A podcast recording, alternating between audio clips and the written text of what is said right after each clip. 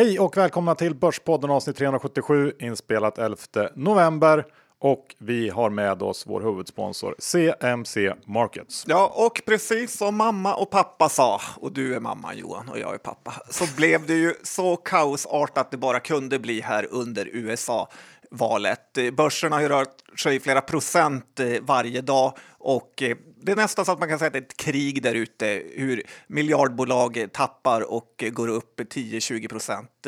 Så att jag tycker verkligen om du inte redan gjort det så måste du skaffa CMC-appen för att få vara med där ute. För det är verkligen kul att både följa men också våga ta vissa trades när det inte är lätt att göra på andra sätt. Så är det. Och är man kund får man också det kostnadsfria morgonbrevet och veckobrevet.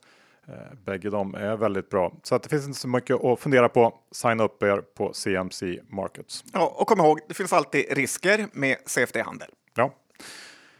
Den här veckan eh, fortsätter vi med rapportgenomgångar såklart. Eh, det blir ons nya Tesla, något slags greenwashing försök från din sida kanske. Och vad har vi mer? Ja, det är så fruktansvärt eh, mycket den här veckan så att eh, jag vet inte riktigt om jag vill avslöja, men vi kan säga att Cancerfonden kommer få oss en avhyvling. Vi kommer titta på lite olika bolag och eh, ja, det är så eh, kul så att jag vet inte vad jag ska säga. Låter, låter det kul Johan? Ja, det låter kul.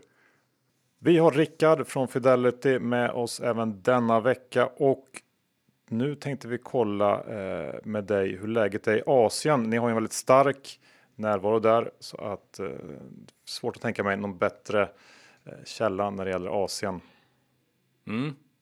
Ja, återigen. Eh, jag tror vi diskuterade det här för ett halvår sedan lite ganska specifikt. Eh, då tror jag att det lyfter någonting kring just Kina som vi på Fidelity kallade för att vi trodde att det, just det landet var first in first out om vi tittar på pandemin i, som sin helhet. Och går vi ner lite mer i ekonomiska termer nu så har det precis nyligen kommit data som tittar då på tillväxten och återhämtningen i just den kinesiska ekonomin och den är ju uppe på knappt 5% nu som den rapporterar nu för tredje kvartalet och det är ju avsevärt mycket bättre än vad man hade trott. Och sätter vi det i paritet och jämförelse då med de europeiska ekonomierna så tror vi fortfarande att Asien kommer vara den marknaden där man har väldigt intressanta möjligheter framöver för de har klarat sig ur pandemin mycket snabbare än andra delar av världen. Tack för det Rickard och kom ihåg att investeringsvärde och eventuella intäkter från dem kan både minska och öka och det kan hända att du inte får tillbaka det investerade kapitalet. Historisk avkastning är inte en tillförlitlig indikator för framtida resultat. Det är viktigt att läsa prospekt samt KIID dokument och investeringar på tillväxtmarknader kan vara mer volatila än på andra mer utvecklade marknader. Fidelity tar heller inget ansvar för det som sägs i podden. Johan, Dr. Bass Saxon index är i 1886 och det är hås där ute får man väl ändå säga. Ja, vilka dagar vi har fått på börsen den här veckan. Nyheten om Pfizers vaccin kastade ju om i princip allt i måndags. Alla aktier som varit eh, coronavinnare vräktes ut till förmån för de som varit förlorare eh, på hopp och tro om att allt nu reverseras och kanske normaliseras. Eh, och det finns väldigt mycket att prata om här och fundera kring eh, när det gäller den här enorma sektorrotationen som vi ändå har sett sista dagarna. Eh, den initiala reaktionen att då vräka ut de här vinnarna och göra tvärtom med förlorarna är ändå på många sätt rimlig eh, tycker jag. Eh, men jag gissar ändå att det här kommer att kanske nyanseras en hel del framöver och jag har försökt att göra en egen eh, grov indelning på olika typer av coronabolag i det här skedet vi är i nu. Eh, och vill du höra? Ja, det är faktiskt. Ja. har jag tänkt på en liknande grej själv, men få höra dina. Ja, eh, vi kan ju börja med de som eh, verkligen då har varit vinnare av engångskaraktär för att folk tvingats stanna hemma och ändra sitt sätt att leva på eh, ett sätt som man kanske inte kommer fortsätta med om man inte måste. Har du några exempel här John som jag tänker på? Ja, jag tycker vi har eh, spelbolagen har ju varit eh, sådana vinnare. Kasinobolagen framför allt. Vi, ja, det är en annan kategori känner jag, men okej. Och eh, vi har haft Zoom-bolagen får man säga. Ja, jag tycker också en annan kategori. Okej, men berätta du som vet allt så får vi se. Nej, men jag tänker att här, här stoppar jag i alla fall in till exempel alla hemmafixarbolag. Eh, som något slags sånt exempel. Saker som man eh, kanske inte kommer att fortsätta med efter det här. Um, det man skulle kunna ta upp som motargument till att sälja de här aktierna nu är ju att börsen redan innan vaccinet prisat in eh, att mycket av årets framgångar är just av engångskaraktär. Ehm, men det känns ändå som att man kommer att få det kämpigt i den här typen av bolag. Eh, I alla fall närmsta tiden här framöver, det tror jag. Ehm, sen har vi bolag som skulle varit vinnare ändå, men som bara blev det snabbare på grund av corona. Och eh, här skulle jag stoppa in många av de här mer digitala bolagen som du pratade om. Ehm, jag tror ändå att eh, en stor del, eller i alla fall en hyfsad del av den här positiva coronaeffekten kommer att hänga kvar. Men istället blir väl problemet att många av de här aktierna har värderats upp alldeles, alldeles för mycket. Eh, och här skulle jag stoppa in då dataspelsaktier eller Zoom liknande bolag. Håller du med? Ja, det är ju för sig en ganska så mainstream tanke att eh, digitaliseringen bara har påskyndats av det här. Jag tycker man hör den överallt. Eh, men, det, men man det, kan ändå köpa vissa delar av det. Det behöver inte göra att, den inte finns, att det inte ligger någonting i den. Nej, men sådana som jag måste alltid tänka nivån under det. Jo. Och på börsen, hur ska man göra nu med de här bolagen? Det är lite lurigare. Det kan säkert finnas nedsida kvar. Vi ser ju här på morgonen idag hur Många dataspelsbolag till exempel fortsätter ner. Eh, svårt eh, att liksom tajma när de här förändringarna är klara. Men någon gång så kan det väl vara intressant att titta på att köpa dippen i de här bolagen ändå. Ja, vad gäller dataspelen är de också så extremt förvärvsdrivna så att det kan ju vara en riktig liten soppa där som ligger och kokar som man kanske först får se när tillväxten börjar avta. Ja, absolut. Sen har vi bolag som eh, riskerar att aldrig komma tillbaka till samma efterfrågan som innan corona, trots det här vaccinet. Eh, och det är ju bolag då vars produkter och tjänster byts ut mot bättre digitala lösningar under krisen för att det inte fanns några alternativ då, men som visar sig spara väldigt mycket tid och pengar för företagen och därför kommer att vara kvar. Eh, och jag tänker ju ändå att liksom hela mm, möteskulturen, affärsresandet är ändå en sån företeelse. Det är klart att det kommer att komma igång igen, men jag är ändå tveksam till att vi kommer gå tillbaks till där vi var tidigare.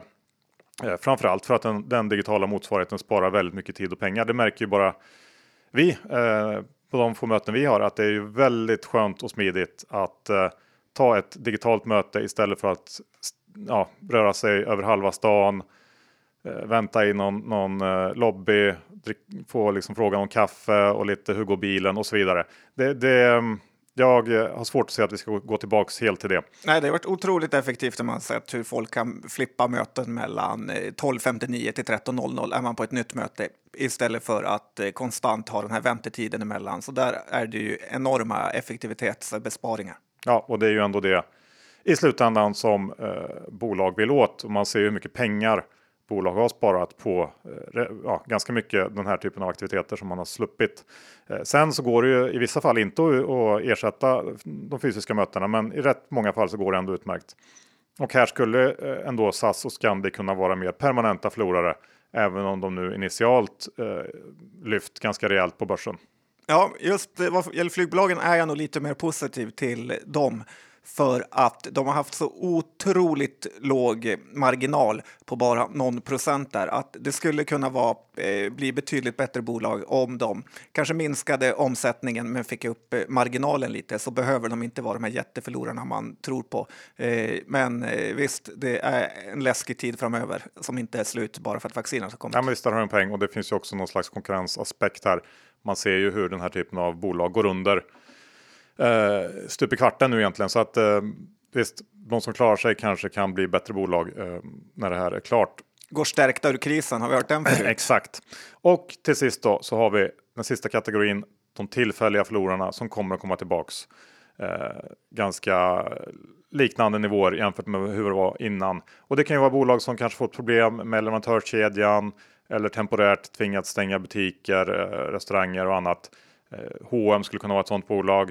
Tigo är ju ett annat. Många tillverkande bolag kan man nog stoppa in i den här kategorin. Eh, och det är väl här som man enklast skulle kunna hitta lite mer uppsida på börsen. Att försöka identifiera de aktier som fortfarande är ner en del på året trots att utsikterna borde vara ganska goda.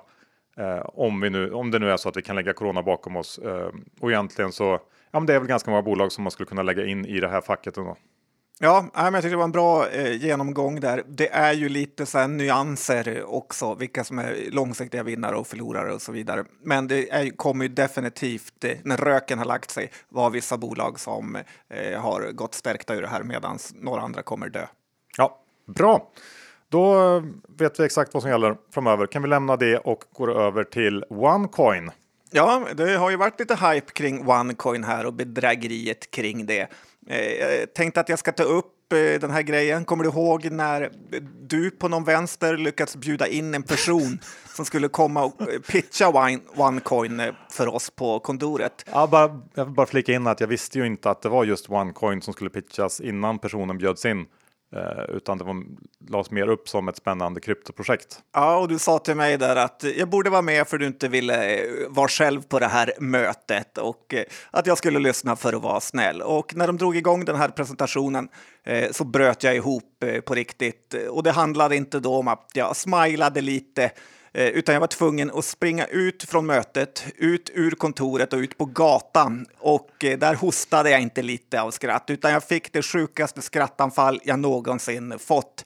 Jag skrek, grinade i, av skratt i flera minuter av den sjukhet jag just hade bevittnat.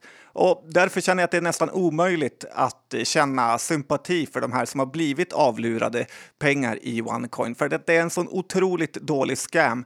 Eh, så att har man förlorat sina pengar i OneCoin så skulle man nog förlorat dem på något annat ändå. Tyvärr Johan. Så är det. Ehm, OneCoin har ju för övrigt ingenting med bitcoin och, och riktig krypto att göra utan det är ju ett rent bedrägeri. Och jag vill tillägga också att efter fem minuter efter att du stack ut så var jag tvungen att avbryta mötet och kasta ut Eh, de här personerna. Så det, det, ehm, ja, den var ganska enkel att eh, genomskåda får vi säga. Ja, verkligen. Sen är det ju så John, att eh, du de sista veckorna har ju du ändå rört upp lite känslor bland lyssnarna. Många är lite arga på dig så att vi har ju inlett ett projekt för att göra det lite mer rumsren. Första steget är ju att eh, du har blivit tvungen att gå över till elbil. Ja, faktiskt. I äkta Peter Lynch-anda så har jag köpt en Tesla här för kanske två veckor sedan eh, för att kunna se om det ska vara något som revolutionerar marknaden. Och det jag köpte var en Model 3. Eh, precis som väntat så märkte ju börsguden att en arbetargrabb från Umeå trodde han var något och skickade direkt ner alla ens aktier 10% på några dagar där. Eh, nu är det i och för sig eh, det mesta studsat tillbaka, men den som inte tror på börsguden vet ingenting. Men ska man recensera Teslan så är det ju det första som alla märker är ju att det är ett otroligt ax i den. Det är nästan värre fart i en sån här liten bil än i vanliga sportbilar. Och sen är det ju något positivt med att den inte släpper ut avgaser. Eh, samt att jag faktiskt lite förvånad över den här statusen som en Tesla ger. Var lite oväntad för mig hur till exempel barnen på skolan vill åka med mig för att eh, vi har en Tesla nu. Eh, jag har inte riktigt eh, fattat eller förstod vilken hype de har lyckats eh, skapa kring det här. Eh, det negativa är ju dock hur fort eh, batteriet tar slut. Kör man över 120 så är det lite som en iPhone 7. Eh, det tar tid att ladda så att långresor är lite mäckigt och laddar man hemma eh, och inte har någon så här laddbox så är det problem med säkringar och att det tar extremt lång tid. Mm, här vill jag bara säga att det kan ju bero lite på hur du kör. Du skjutsade mig till tennisen i Järfälla i söndags och jag kräktes tre gånger på den resan. Ehm, så det, ja. ja, men det bor en liten Kimi lite... Räikkönen i mig Johan. Eh, nej, men därför ja. måste man ju skaffa en sån här laddbox för 20 papp och jag förstår verkligen varför Garo eh, går så bra. Eh, för när jag beställde laddboxen så var det sju veckors väntetid. Eh, men hur som helst så är jag nog lite nyhåsad till elbilar här, för jag tycker man kan jämföra det med mobiltelefoner, att eh, prestandan vinner över batteritiden. Det är ingen som har en Nokia 3210 bara för att det batteriet höll i två veckor. Medan en iPhone får man ladda en gång om dagen. Eh, ja, så att, eh, ja, men det var mina fem cent Johan. Ja, men kul att höra. Eh, bra, vi går över till Cancerfonden. Vad har de nu gjort? Nej, men de ringer runt och vill ha pengar och gör såna här fina reklamfilmer eh, och försöker förmå en och skänka en slant och det är väl bra. Eh, men det eh, som jag såg nu här är att Cancerfonden har köpt aktier i Bambuser för 30 miljoner kronor. Eh, jag känner att det är något helt orimligt i det. Eh, visst, Cancerfonden kanske ska placera en viss del av sina pengar i aktier, men då tänker man att det kanske är fonder eller investmentbolag som är värst ut på riskskalan. Men att eh, trycka in 30 miljoner kronor i ett eh, förlustbringande och extremt eh, förhoppningsbolag är det något eh, fel med. Eh, som trader skulle jag inte ens våga ha pengar i bambuser och då har jag ännu mindre förståelse för hur Cancerfonden kan ha lastat in 30 miljoner kronor här. Ja, nej, jag håller nog med faktiskt. Eh, tycker ändå att ja, nej, men man ska vara lite försiktig med den typen av pengar. Men jag har ingen aning om hur deras portfölj ser ut så att det kanske bara är en dropp i havet antagligen. en bred portfölj. Ja. Eh, då är det dags att avsluta första delen med veckans effektsökare. Ja, men den får ju faktiskt gå till Lykos vd och grundare Rickard Lyko. Eh, bolaget Lyko är ju väldigt hypade på börsen och eh, skyhögt värderade. Eh, de säljer skönhets och hårprodukter på nätet. Bolaget har gått i år från 90 kronor till 340 och har ett börsvärde på över 5 miljarder. Men det har inte gått den ödmjuke Rickard Lyko åt huvudet, utan på hans LinkedIn-profil står det inte vd eller grundare eller något annat hippt, utan han har skrivit att han är lagerarbetare på Lyko. Och eh, jag önskar jag kunde känna att han stod med båda fötterna på jorden, men tyvärr känner jag tvärtom Johan. Det är effektsökeri deluxe. Eller som vi brukar säga här, you can't bullshit a bullshitter.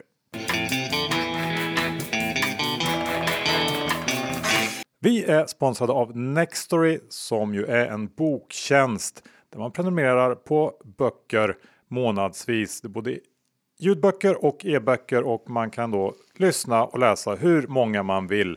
Vilket ju är grymt och det här är ju eh, smidigt, ett bra sätt att komma igång med läsandet. Man kan eh, konsumera böcker när man tränar, eh, lagar mat, inte vet jag, städar. Ja, eller cyklar till jobbet som jag gör, om ja. man nu kan kalla att vara trader för ett jobb. Så är det. Och jag eh, har lyssnat på Spotify inifrån eh, den här Spotify-boken av Jonas Leijonhufvud och Sven Karlsson och jag tycker ju att det är lite av ett ansvar som svensk att lära sig mer om Spotify som väl kanske är det största företaget som kommit från Sverige under 2000-talet. Ja, men det ska jag faktiskt också ta och lyssna på här, Johan. Och eh, jag har valt en bok här som jag vill berätta lite om som heter Why We Want You To Be Rich av den legendariska personen Robert Kiyosaki som var väl avslöjats lite som en scamartist, men också av Donald Trump som är på tapeten nu. Jag tycker att den här boken är väldigt eh, bra och intressant. Dessutom har den fått väldigt högt betyg här på Nextorys eh, sajt så att jag inser att det är fler än jag som gillar den. Bra och det spännande just nu är att vi har ett väldigt fint erbjudande till alla våra Börspodden-lyssnare. Eh, för den som är ny medlem så får man möjlighet att testa Nextory 30 dagar helt gratis och det gör man genom att gå in på länken nextory.se kampanj och sen ange koden Börspodden. Och eh, det här är ingenting att tveka på. Eh, det är gratis. Det finns hur mycket som helst att lyssna på och läsa så att gå in på nextory.se kampanj och använd koden Börspodden för 30 dagar gratis.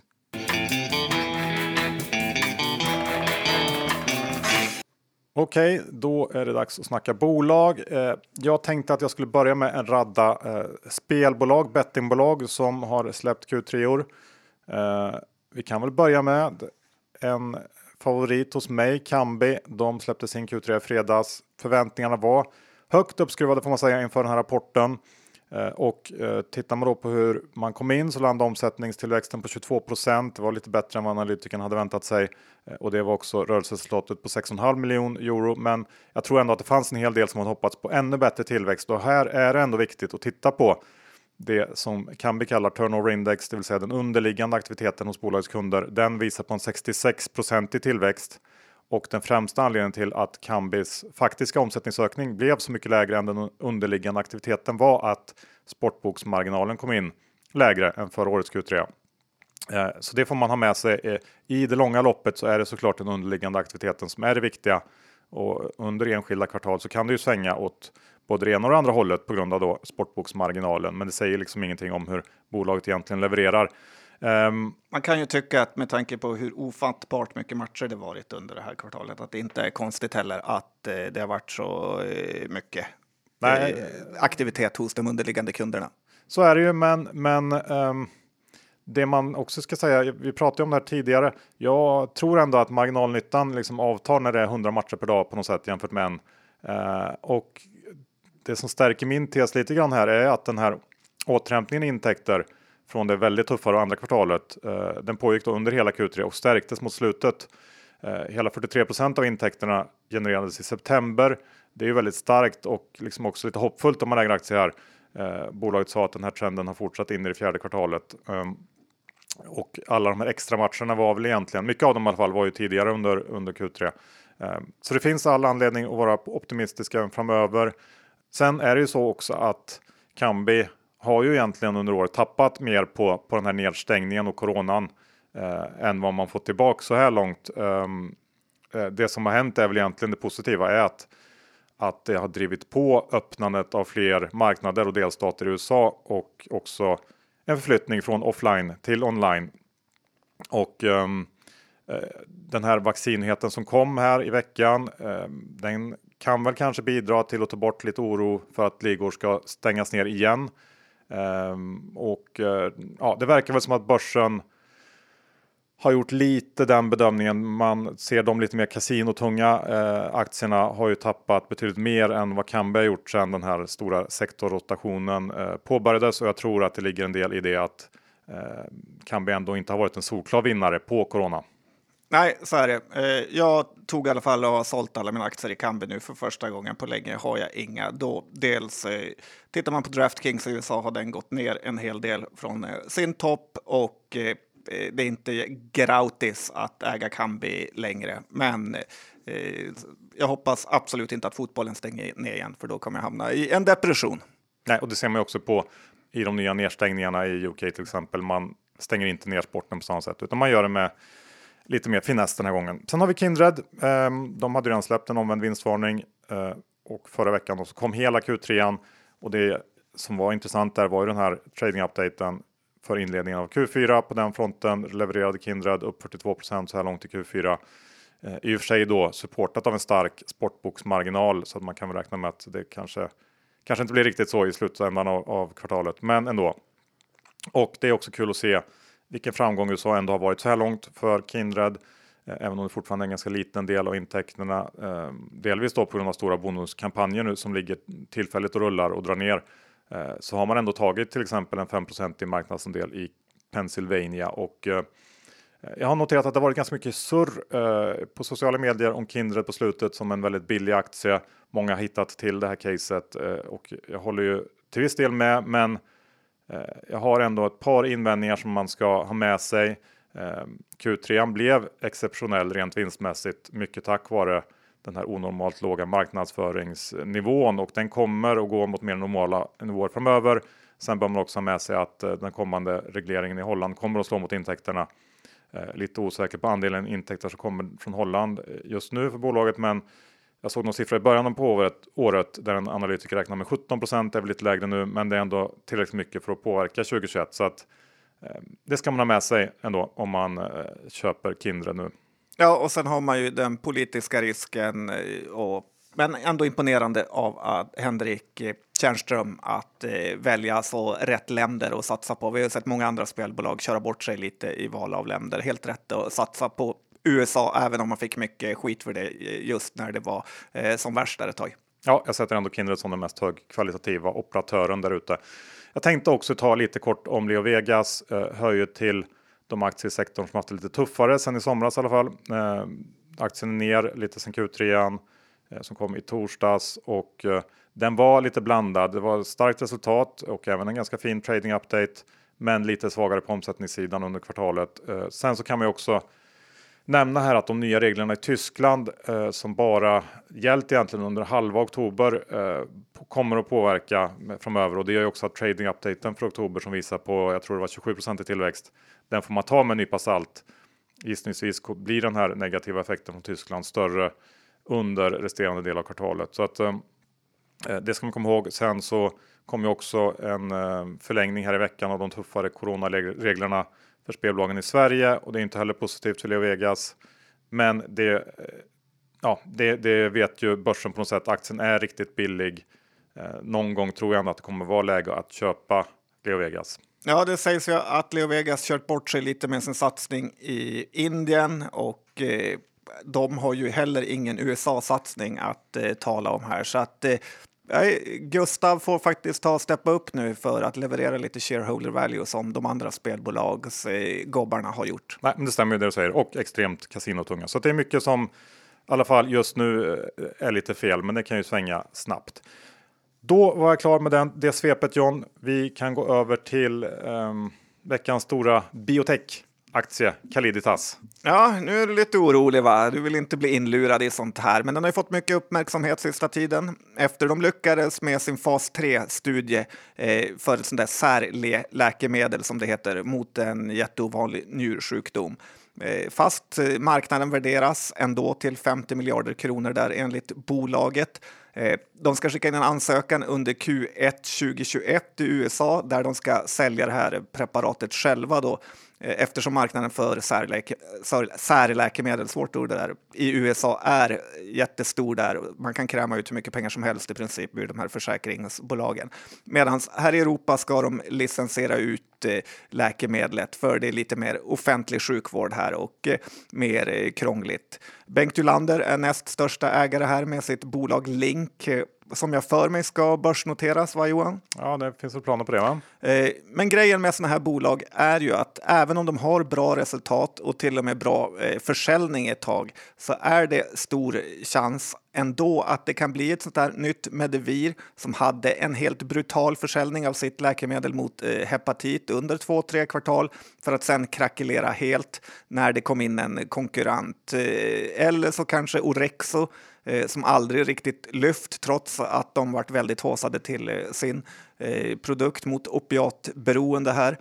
Så att man ska absolut inte ta ut hela segern i förskott. Det snackas ju framför allt jag såg analytikern, Carnegie-analytikern pratar om bud här, men det har det gjort på Medivir och Rexo också. Så att visst, det kan komma ett så här Wilson Therapeutics bud, Johan, men när man satsar i den här typen av bolag och aktier så ska man vara väldigt medveten om att nedsidan är hög i alla lägen. Så här. Eh, lite intressant också är ju att en stor ägare har sålt ut eh, ungefär 5% av bolaget rakt över börsen här. Så att det är möjligt att säljtrycket eh, avtar eh, och det är ett köpläge nu, men det är, är hög risk. Ja, den tolkningen gör ju många, men jag vet inte riktigt. Jag skulle vända lite på det om man nu varit med i det här caset, var ska man sälja ut nu då? Precis när det ser ut att bli skördetid. Jag är skeptisk till sånt i den här typen av bolag så att jag, nej, jag gillade inte det, även om det fick liksom aktien att lyfta här under gårdagen och idag tror jag. Ja, är lite men man vill ju tolka saker positivt om man är lång så att i stort skulle man inte håsa något för att huvudägaren har sålt ur sig. Så att, eh, ja, Efter den bästa nyheten i bolagshistorien. Nej, jag hade inte heller håsat det. Always invert. Uh, Mips då har ju rapporterat det lilla hjälmteknologibolaget, eller det är inte så litet. Nej, det är verkligen inte litet nu och det kanske är börsens mest övervärderade bolag alla kategorier. Alternativt kan man kanske säga att det är högst värderat. Med en börskurs här som den var på 460 efter rapporten och eh, en vinst som är tre, de senaste tre kvartalen på 270 och säga att man kommer upp i kanske 4,50 i vinst i år så eh, har man då ett bolag som värderas till P100.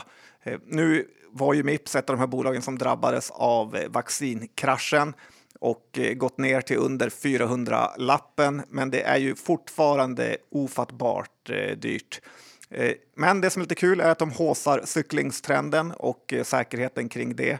Eh, och det som är mest intressant i det får jag ändå säga är, och eh, för aktien då, är ju att försäljningen av cykelhjälmar i USA verkar ha tagit fart och eh, kan man få folk i såna här mega superstäder som New York och börja köra med cykelhjälm eller cykla med cykelhjälm så är ju marknaden enorm. Eh, den här aktien är ju verkligen inget fynd och eh, det är väl en sån aktie som jag i alla fall tyvärr aldrig kommer kunna köpa för att den är alltid eh, för dyr. Men intressant vad de säger tycker jag. Mm, jag håller med där, det är samma för mig. Det går bara inte. Det finns någon slags fysisk spärr där som sätter stopp. Um, Sen vill du säga några ord om KABE trots att jag tror att vi gick igenom den förra eh, avsnittet. Men det har du glömt bort. Nej, men jag tyckte inte att du gjorde det tillräckligt eh, noggrant Johan. Och eh, du känner ju mig. Jag vill inte eh, slarva. Eh, nej, men det, jag har ändå kollat lite mer på det här KABE. Just eh, för det här intressanta med att det skulle vara en sån här coronavinnare. Eh, och eh, den här Saab-effekten som vi pratade om också, att de inte har haft tillräckligt med konkurrenter eller eh, Komponenter. Komponenter, precis. Mm. Och eh, det är så här, man brukar ju skoja om att Volkswagen är ett omöjligt bolag att eh, styra där det sitter typ 30 pers i styrelsen. Eh, men Kabe har faktiskt åtta ordinarie ledamöter. Så har man två suppleanter och så har man två personalrepresentanter. Eh, och gissa vem den senaste invalda styrelsemedlemmen var, Johan? Jag har ingen aning. Nej, jag sa att du inte hade gjort hemläxan ordentligt. Ja, men berätta då. Ja, det är ju Ulf Rostedt, mannen som på egen hand körde ITAB i botten. Och eh, han tog direkt sitt nya jobb på allvar och körde KB i botten istället. Så att, eh, jag har tröttnat på KB faktiskt. Och eh, trots att jag har läst rapporten igen här så går det inte att hitta ett köpläge. Nej, så att du bara slog fast egentligen det vi sa förra veckan. Ja. Även om jag sa att det kanske eh, kan vara intressant framåt våren att titta på KB, vem vet? Jo, men våren är ju evigheter för oss eh, traders. Så.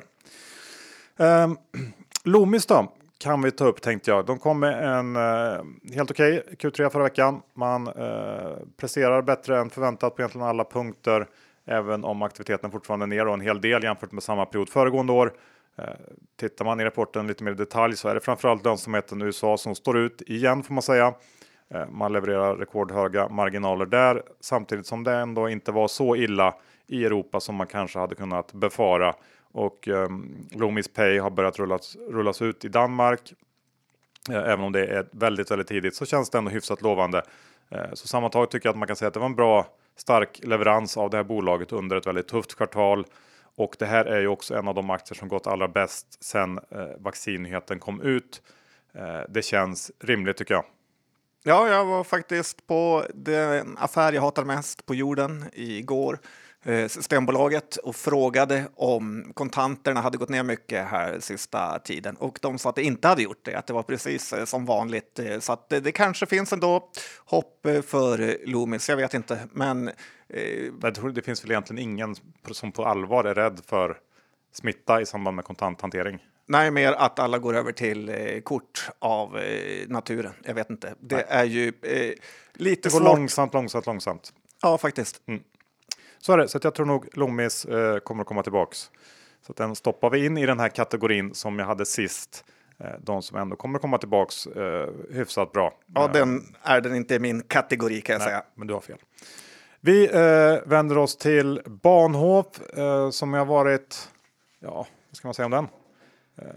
Ja, det kanske jag som ska säga något ja, Johan, för det är jag som har läst på. Eh, och eh, Johan Karlung kom ju här med ett eh, stort hatutspel får man ändå säga i sitt vd-ord mot eh, Huawei.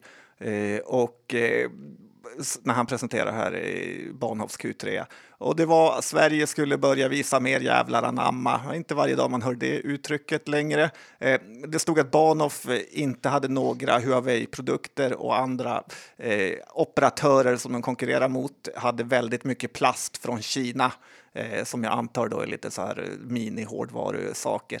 Eh, sen fick sig kom hem en rejäl känga i den här rapporten med att de kör med sån här coax-kabel eh, som tydligen eh, funkar helt okej okay för att ta emot data, men väldigt dåligt om man ska skicka data, till exempel eh, jobba hemifrån med videos och så fungerar det inte så bra.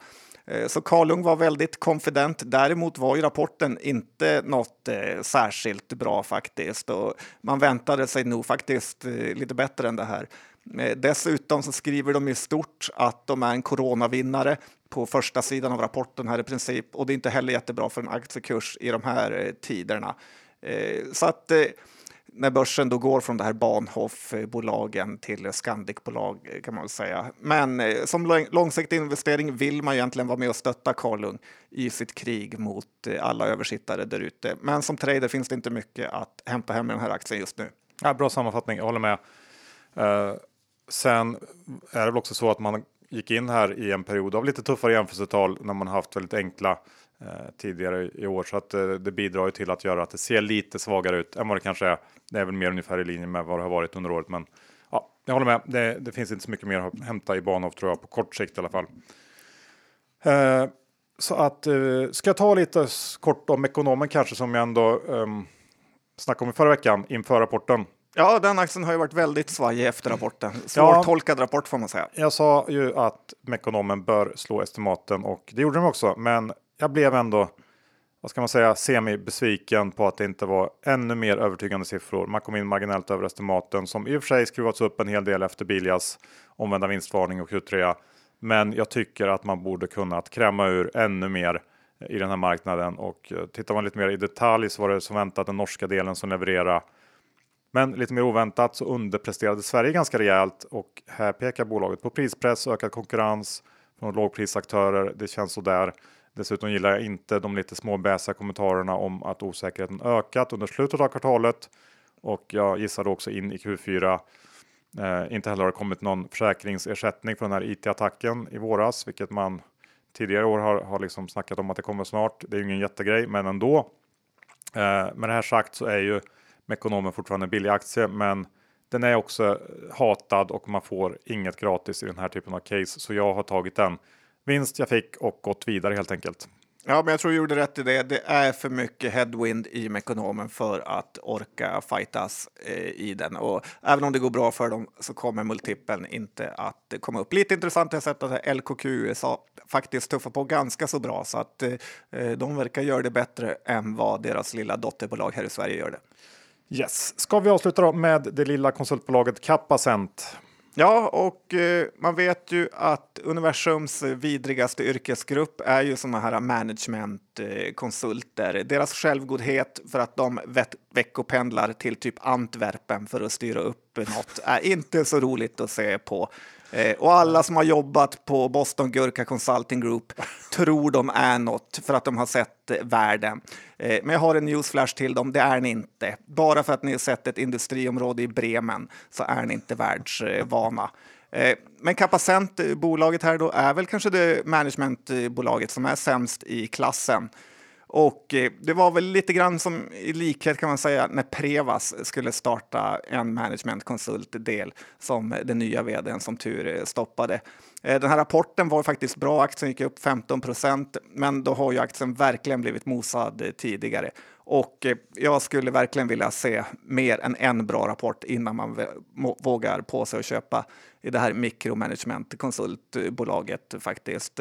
Men en kul start på kanske en ny era för dem. Slut på avsnitt 377. Vi tackar CMC Markets. Se till att ladda ner appen, öppna konto om ni inte redan har gjort det. Verkligen, det är ett krig där ute. Var med och kriga. Och tack till Fidelity. Gå in och kolla in deras fonder. Verkligen, de har fonder för nästan hela jorden och de finns på Avanza Nordnet, eh, så väldigt bra att kolla där. Ja, men kom ihåg att investeringens värde och eventuella intäkter från dem kan både minska och öka. Och det kan hända att du inte får tillbaka det investerade kapitalet. Historisk avkastning är inte en tillförlitlig indikator för framtida resultat. Det är viktigt att läsa prospekt samt KIID-dokument och investeringar på tillväxtmarknader kan vara mer volatila än på andra mer utvecklade marknader. Fidelity tar heller inget ansvar för det som sagts i Börspodden. John, um, hur ser det ut med innehav den här veckan? Nej, men eftersom jag sålt det mesta och jag är redo för en nedgång så äger jag ingenting. Härligt. Jag har eh, Kambi. I övrigt så eh, ingenting av det vi pratade om. Så att det är ja, kul. Faktiskt. Ja, bra. Tack för att ni lyssnade. Vi hörs om veckan. Det gör vi. Hej då!